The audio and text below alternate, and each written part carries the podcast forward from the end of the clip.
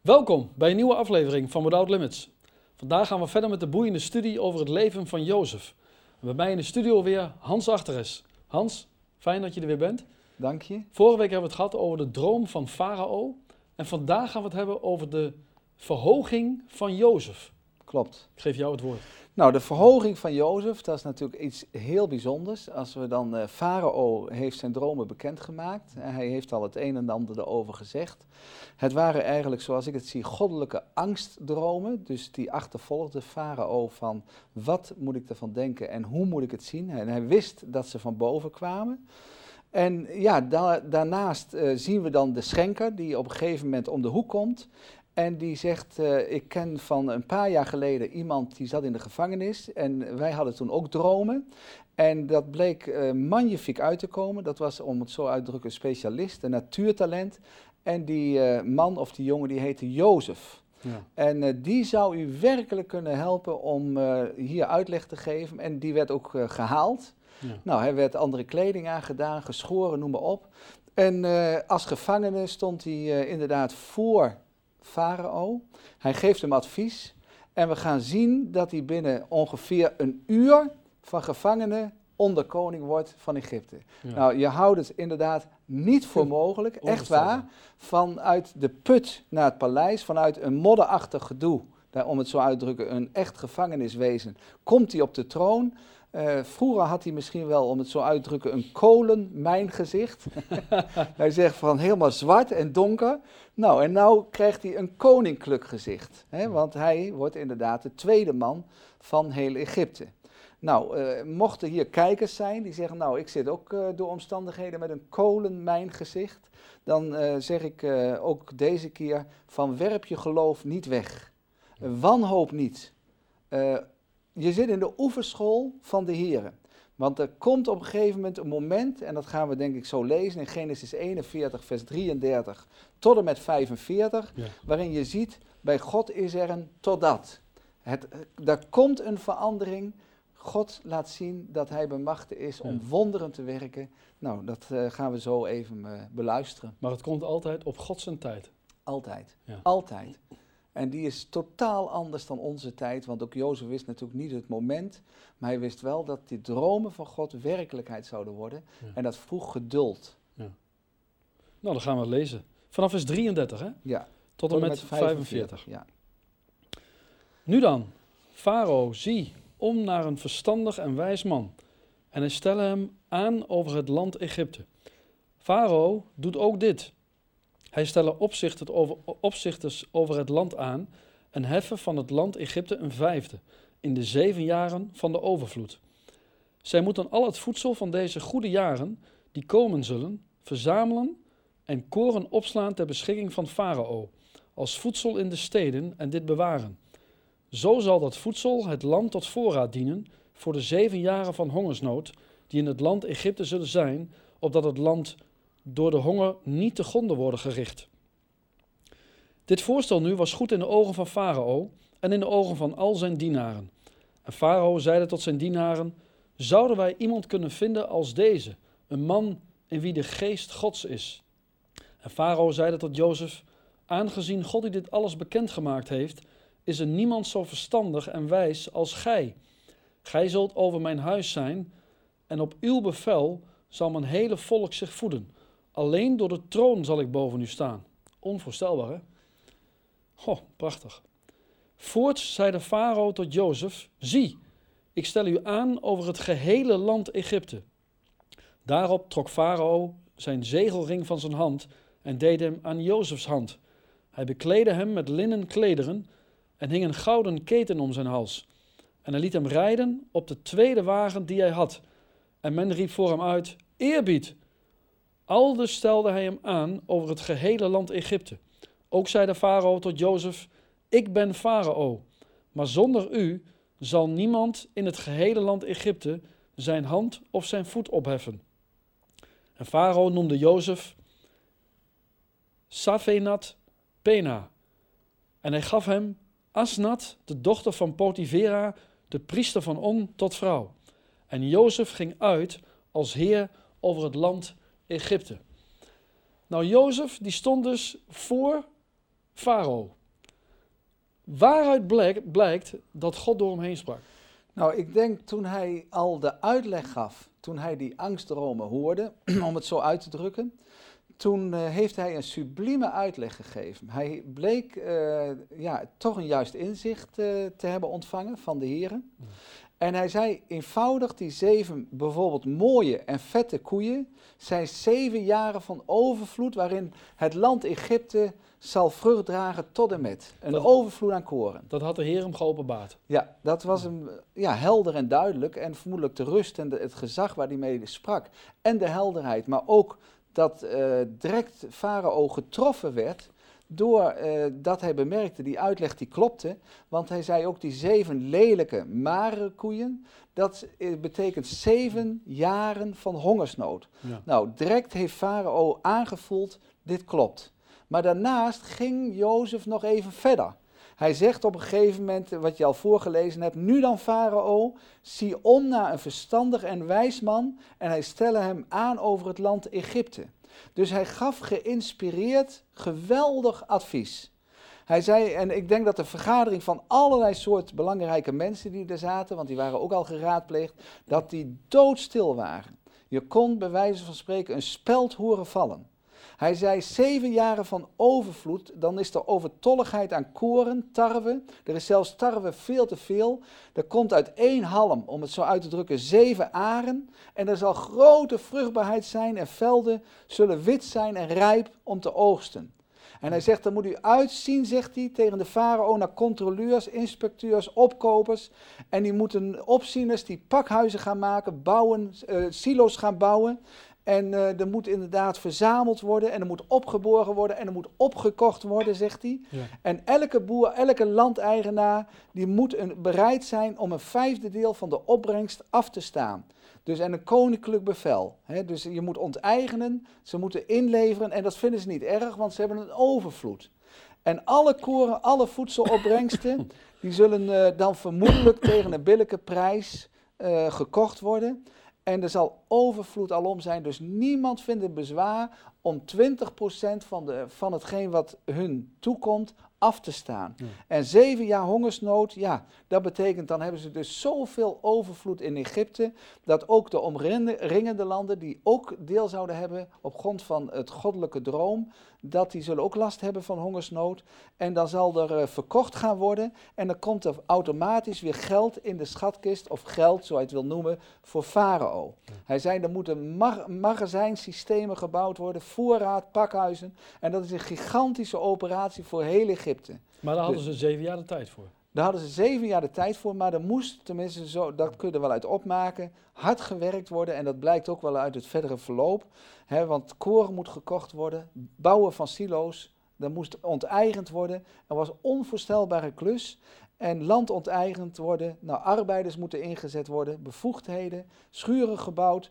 En uh, alles op gezag en de macht van Farao zelf, die moest een stempel geven en uh, dat was uh, met name Jozefs uh, advies. En hij zegt, er is zoveel armoede dat ook mensen uit het buitenland zullen komen. Er komt, we moeten bouwen aan een enorme reservevoorraad, graanoogst. En als Farao dat niet zou doen en zou niet luisteren, dan zou er een volksramp kunnen gebeuren na zeven jaar nadat het onvoorstelbaar goed ging. Want na één, twee of drie jaar zullen de dieren doodgaan, mensen zullen doodgaan en het land wordt arm. Ja. ja. Dus hij gaf uh, ja, een sublieme uitleg, onvoorstelbaar. En zal Jozef aan zichzelf gedacht hebben, hè, toen hij zei van uh, Farao, zie om naar een verstandig en wijs man? Nee, ik denk zelf, zo werkt het vaak bij een gelovige. Als God werkt, doet hij dat plotseling. Hij heeft toen door God geleid dat advies gegeven, maar hij ontving die wijsheid. Hij, zoals ik denk, hij voelde zich en hij was onschuldig om te zeggen, nu wijst dan een man aan. Gewoon, er zaten er genoeg in de zaal die hij kon aanwijzen misschien, of de farao tenminste. Dus het was onverwachts en ongedacht.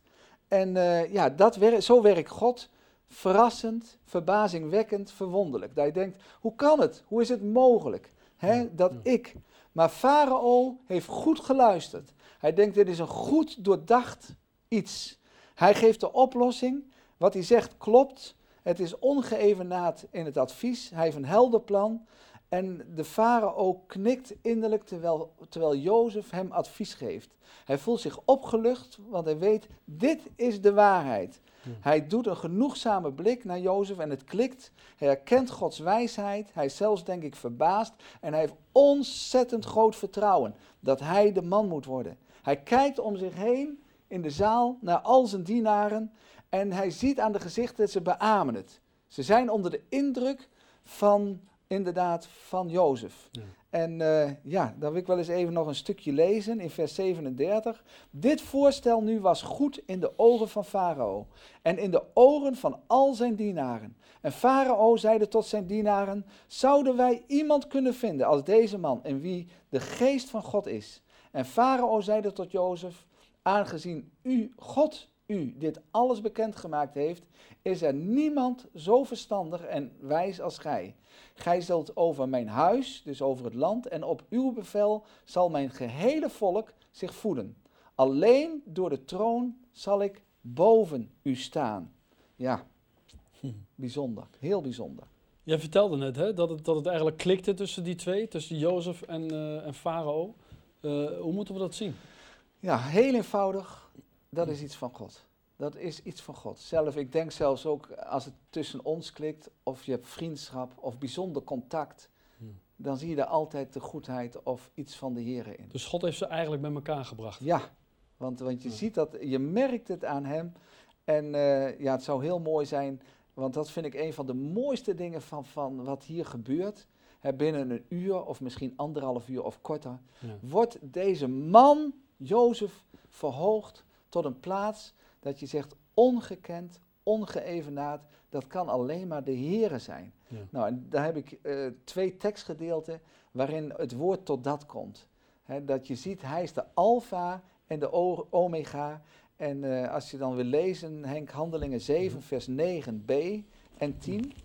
En daarna, indien het mogelijk is, 1 Petrus 1, vers 9. Maar eerst Handelingen 7, vers 9b en 10. Ja, vers 9b en 10. Ik, ik wou nog zeggen, ik vind het zo mooi dat, eh, dat je hier uit dit verhaal ook zo duidelijk ziet dat God eigenlijk in een ogenblik een hele benarde situatie ineens kan veranderen in iets positiefs.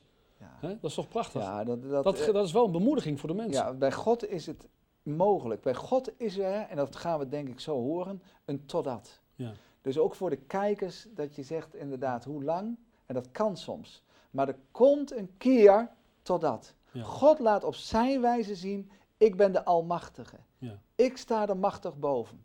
Ik heb mijn goddelijke hand die beweegt en ik ben al lang aan het werk. Ja. Blijf vasthouden.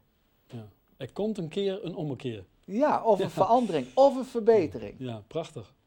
Oké, vers 9. Handelingen 7, vers 9b en vers 10. Ik zal gewoon vers 9 en 10 dan lezen. Ja, is goed, ja. En de aartsvaders verkochten uit naijver Jozef naar Egypte. Maar God was met hem en verloste hem uit al zijn verdrukkingen en gaf hem genade en wijsheid tegenover Farao, de koning van Egypte, die hem aanstelde tot hoofd over Egypte en over zijn gehele huis. Ja, prachtig. En dan 1 Petrus 1 vers 9. Dat, dat is ook een, een tekst prachtig. 1 Petrus 1, 1 vers 9. vers 9. Daar staat: Daar gij het einddoel des geloofs bereikt, dat is, de, dat is de zaligheid der zielen. Daar gij het einddoel des geloofs bereikt, dat is de zaligheid der zielen. Nou ja, eh, hier, eh, ik had ook, ik dacht dat dat daar misschien om en nabij staat, of dat ik een andere tekst, maar dat er op een gegeven moment staat dat dat profetisch woord schijnt als een lamp in de duisternis. Eh, en, dan, en dan blijkt het dat op een gegeven moment dat licht zo gaat schijnen totdat er een wonder gebeurt. De Heere laat zien inderdaad, daar is bij mij alles mogelijk. Jozef wordt onderkoning, bevelhebber. Hij wordt voedselcommandant. Hij krijgt bevel later ook om de graanschuren te openen en te sluiten. Hij kan ze verzegelen. Hij krijgt zeggenschap over alle onderdanen van Farao. En er is één restrictie, zegt uh, Farao zelf, we hebben dat gelezen, van alleen wat de troon betreft zal ik Farao meer aanzien hebben dan u, Jozef. Dat zegt hij. Dus om kort te zijn, je blijft de tweede man, Farao blijft de majesteit. En dan denk ik aan Jezus. Jezus zegt, alle macht. Ik heb alle macht in hemel en op aarde. Mij is gegeven alle macht. Ja. Maar het is hem gegeven door de Vader. Ja. Jezus blijft, om het zo uit te drukken, de tweede man. Mij is gegeven alle macht in hemel en op aarde. Ja. Dat is, eh, er zit heel veel eh, typologie in tussen Jozef en Jezus. Ook een prachtige tekst, hè? wat je net noemt uit eh, Matthäus 28, vers 18 staat dat, geloof ik. Ja. Eh, van de put naar het paleis, hè, de, dat, dat heb je al even genoemd. Hè, van gevangene tot onderkoning. Ja, hoe moet je dat zien? Kan iemand dat wel aan? Want het gaat natuurlijk in een rap tempo. En ja, je moet nogal kwaliteiten hebben, denk ik, om, om daarmee om te kunnen gaan. Nou, dat, dat zeker, maar hij hield vast aan, en dat denk ik, ondertussen waren, was hij 13 jaar verder toen hij de eerste dromen kreeg, Jozef, en hij hield vast aan Gods dromen. Hij wist van, inderdaad, dit zal gebeuren, hè, want eh, ja, hij kreeg opeens macht. Die, die farao zegt van, nou, ik geef je een gouden ketting, net als een burgemeester. Ja. Als er een burgemeester en je weet toevallig, hé, dat is de burgemeester, hij heeft een ketting om. Dat zegt och, toch iets tot je. Hij wordt goed gekleed, hij krijgt koninklijke kleding aan, eh, fijn linnen, een bepaald gewaad, aanzien. Was dat omdat hij dan zeg maar ook herkenbaar was? Eh, ja, dat ook. Maar daarnaast heeft een kleed natuurlijk bij Jozef met name een bijzondere bedoeling. Ik bedoel, als we denken aan het kleed wat hij van zijn vader kreeg. Ja. Ja. Toen kreeg hij een slavenkleed in het huis van Potifar. Toen kreeg hij gevangeniskleed. En nu krijgt hij opeens een, ja, een, een koninklijk Ja, kleed. Dus je ziet, die kleden hebben allemaal een bedoeling. Dus als je de Heer in je leven gaat werken, ga ervan uit verandering. Altijd verandering. Hij krijgt gezag, hij krijgt een zegelring. En het wordt zichtbaar, hij gaat rijden in een soort Rolls Royce. hij gaat rijden in een open wagen met herauten voor hem uit. Dat als ze in de, in de buurt van mensen komen, dat ze zeggen respect, eerbied, een Ja. buigingje, dus Ja. een, een, een knikje. Dus de motorpolitie met zwaailichten gaat absoluut voor hem uit als die in de stad komt. Ja. Nou ja, Jozef die denkt daarbij natuurlijk aan de bontgekleurde mantel van Jacob. Niet alleen omdat hij lievelingszoon is, maar Gods duif rust op Jozef. En de Heer bevestigt dat. Toen de inleiding, hè, die, die, bo- die gekleurde mantel van, van Jacob was toen de inleiding en de aanleiding dat hij 13 jaar in de vernedering moest. Maar nu was het dan zover. Nu was het zover. Dat de Heere zelf zei, nu is het moment. Inderdaad, het juiste kleed. De broers, die hadden vroeger, als het gaat om kleding en om hem, grijpende armen. Potifar had graaiende, hè, de vrouw van Potifar had, had graaiende handen. Maar nu wordt hij zelf omkleed door de koning of farao van eh, Egypte. En dat zie je eigenlijk, hij krijgt een gloednieuw leven, gezag over landerijen, graanopslag. Hij wordt de adviseur van farao, hij trekt door het land, hij krijgt supervisie, grote eer. En je zou zeggen, wat je vraag eigenlijk ook was, van, van ja, kan die dat wel aan? Kan die dat wel aan? En dan zeg ik van, de Heer heeft hem al lang, jij ook soms en ik, om dingen mee te delen aan de mensen, voorbereid, gevormd. Dat is iets van God. Hij, werd, eh, hij heeft levenslessen gehad toen hij leiding kreeg in het huis van Potifar. In de gevangenis kreeg hij al leiding. Ze hebben gezien zijn talent en de Heer heeft hem daardoor gevormd. En eh, met dit alles inderdaad, ja, laat God zien van, joh, ik wil jou aanstellen over dat land Egypte, want er komt hongersnood. Maar ik heb eigenlijk het gezin van Jacob, Israël, op het oog, want dat is een verbondsvolk. Die 70 gezinsleden die nog woonden in Canaan, die moesten inderdaad komen, opdat God liet zien, ik ga voorzien.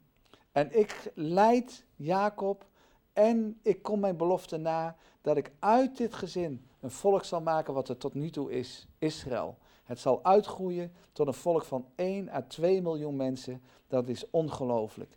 En hij krijgt een nieuwe naam, vers 45. En er staat, en Farao noemde Jozef Savenat Panea. Een nieuwe naam. Hij krijgt een nieuwe naam, een nieuwe nationaliteit. Hij, eh, dat betekent eigenlijk, hij krijgt, hij wordt, hij, door zijn profetisch inzicht gaat, betekent die naam onthuller van verborgen dingen. En zijn naam betekent redder, onderhouder van het leven. Hmm. Onvoorstelbaar. Deze jongen, 30 jaar, wordt inderdaad onderkoning. Hij trouwt met een Egyptische Asnat. Dat is natuurlijk bijzonder. Dat is heel bijzonder, ja. Hè? Eh, jij zegt dat is bijzonder, hè, dat hij daarmee trouwt. Maar aan de andere kant is dat ook niet vreemd. Ja, nou ja, ehm, hij bleef natuurlijk en was een Hebreeuwse jongen. Dat was voor iedereen duidelijk. Eh, ja, daarnaast, inderdaad, heeft, je zou gaan zeggen, Farao hem gegund dat hij met de toplaag eh, in Egypte trouwde met een dochter van de priesterklasse. Maar het was natuurlijk, om het zo uit te drukken, voor een Hebreeuwse man, want hij bleef een Jood, Ja. een vreemde vrouw. En toen heb ik gedacht en gelezen, en ik denk dat klopt. Hij is een type van de meerdere Jozef. De gewone Jozef was een type van Jezus Christus. Jezus kwam voor het zijne, hij kwam voor het volk Israël. Maar door omstandigheden hebben ze hem verworpen. Zijn broers hebben hem ook verworpen. En toen heeft, eh, toen heeft Jezus Christus gezegd inderdaad, ik ga trouwen wanneer ik verhoogd word, en dat heeft hij gedaan. Hij kwam op aarde voor de zijnen, maar de zijnen hebben hem niet eh, eh, aangenomen. Toen is Jezus de dood ingegaan, hij is opgestaan. En toen hij verhoogd was, zittend aan de rechterhand Gods, heeft hij gezegd, ik zal nu allen op de wereld, wie je ook bent en wat je afkomt ook is, ben je vrouw, man, hoe je omstandigheden ook zijn, ben je jood of geen jood, het maakt allemaal niks uit.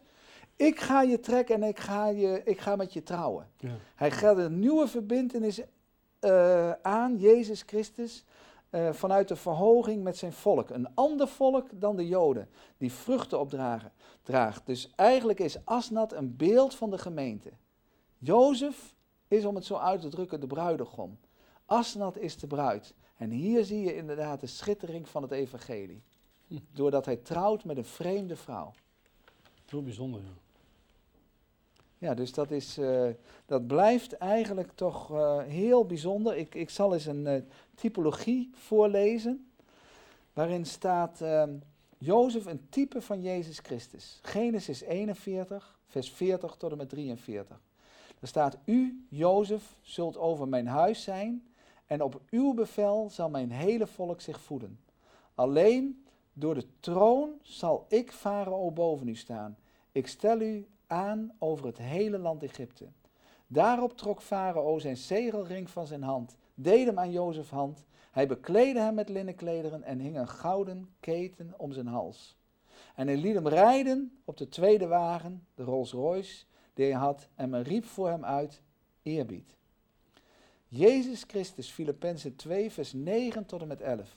Daarom heeft God hem ook uitermate verhoogd en hem de naam boven alle namen geschonken, opdat in de naam van Jezus zich alle knie zal buigen van hen die in de hemel en op de aarde zijn en die onder de aarde zijn, en alle tong zal beleiden. Jezus Christus is Heer tot eer van God de Vader. Ja.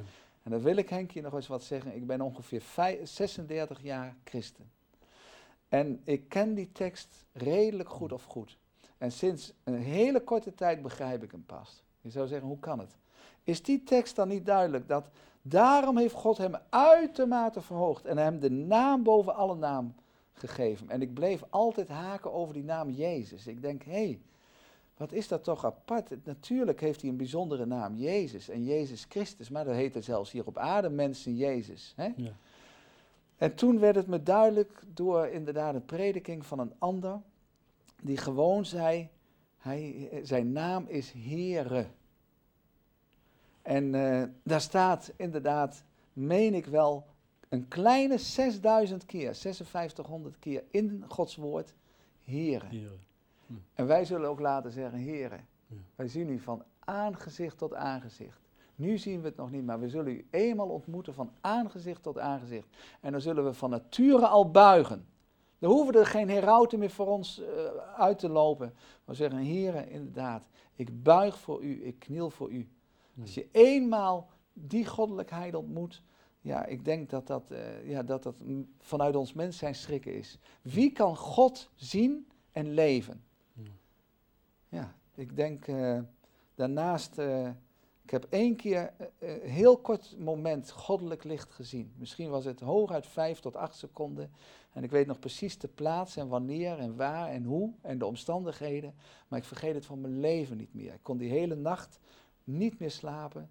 alleen omdat je even iets goddelijk licht zag. Ik heb was geen dat persoon in een, gezien. eh, in een visioen? Of, eh, Nee, dat was naar aanleiding van een, een tijd van gebed die ik had. En ik vroeg aan de Heer, Heer, wilt u inderdaad laten zien? Want ik heb later dat gebed geanalyseerd. Dat het uw wil is dat ik hier moet zijn. En het was de plaats Wassenaar. En dat was op een bijbelschool. Want ik werd ook gevraagd om met een evangelist mee te gaan. En toen, toen heeft de Heer inderdaad geantwoord op een manier ja, die voor een mens schrikken is. Ja. Maar dat hij zegt van, nou, ik laat het alleen maar even iets zien. Laat staan dat we hem zelf ontmoeten. Laat staan dat we zijn heerlijkheid ontmoeten. De, er staat ergens in de Bijbel dat geen vlees kan het koninkrijk van God beërven. Daarom is het de geest van God die contact heeft, die gemeenschap heeft met God. Het zaad Gods. Maar inderdaad, het vlees doet geen nut. Het vlees gaat ten verderven. Het vlees is als stof. Het vlees zal sterven. En noem maar op. Maar er komt een verheerlijk lichaam. Die kan tegen de heerlijkheid en het licht van God. Die kan omgaan met God zoals Adam met, en Eva in het paradijs. Waarin God wandelde en de mens ontmoette. Ja. Prachtig gezegd, Hans.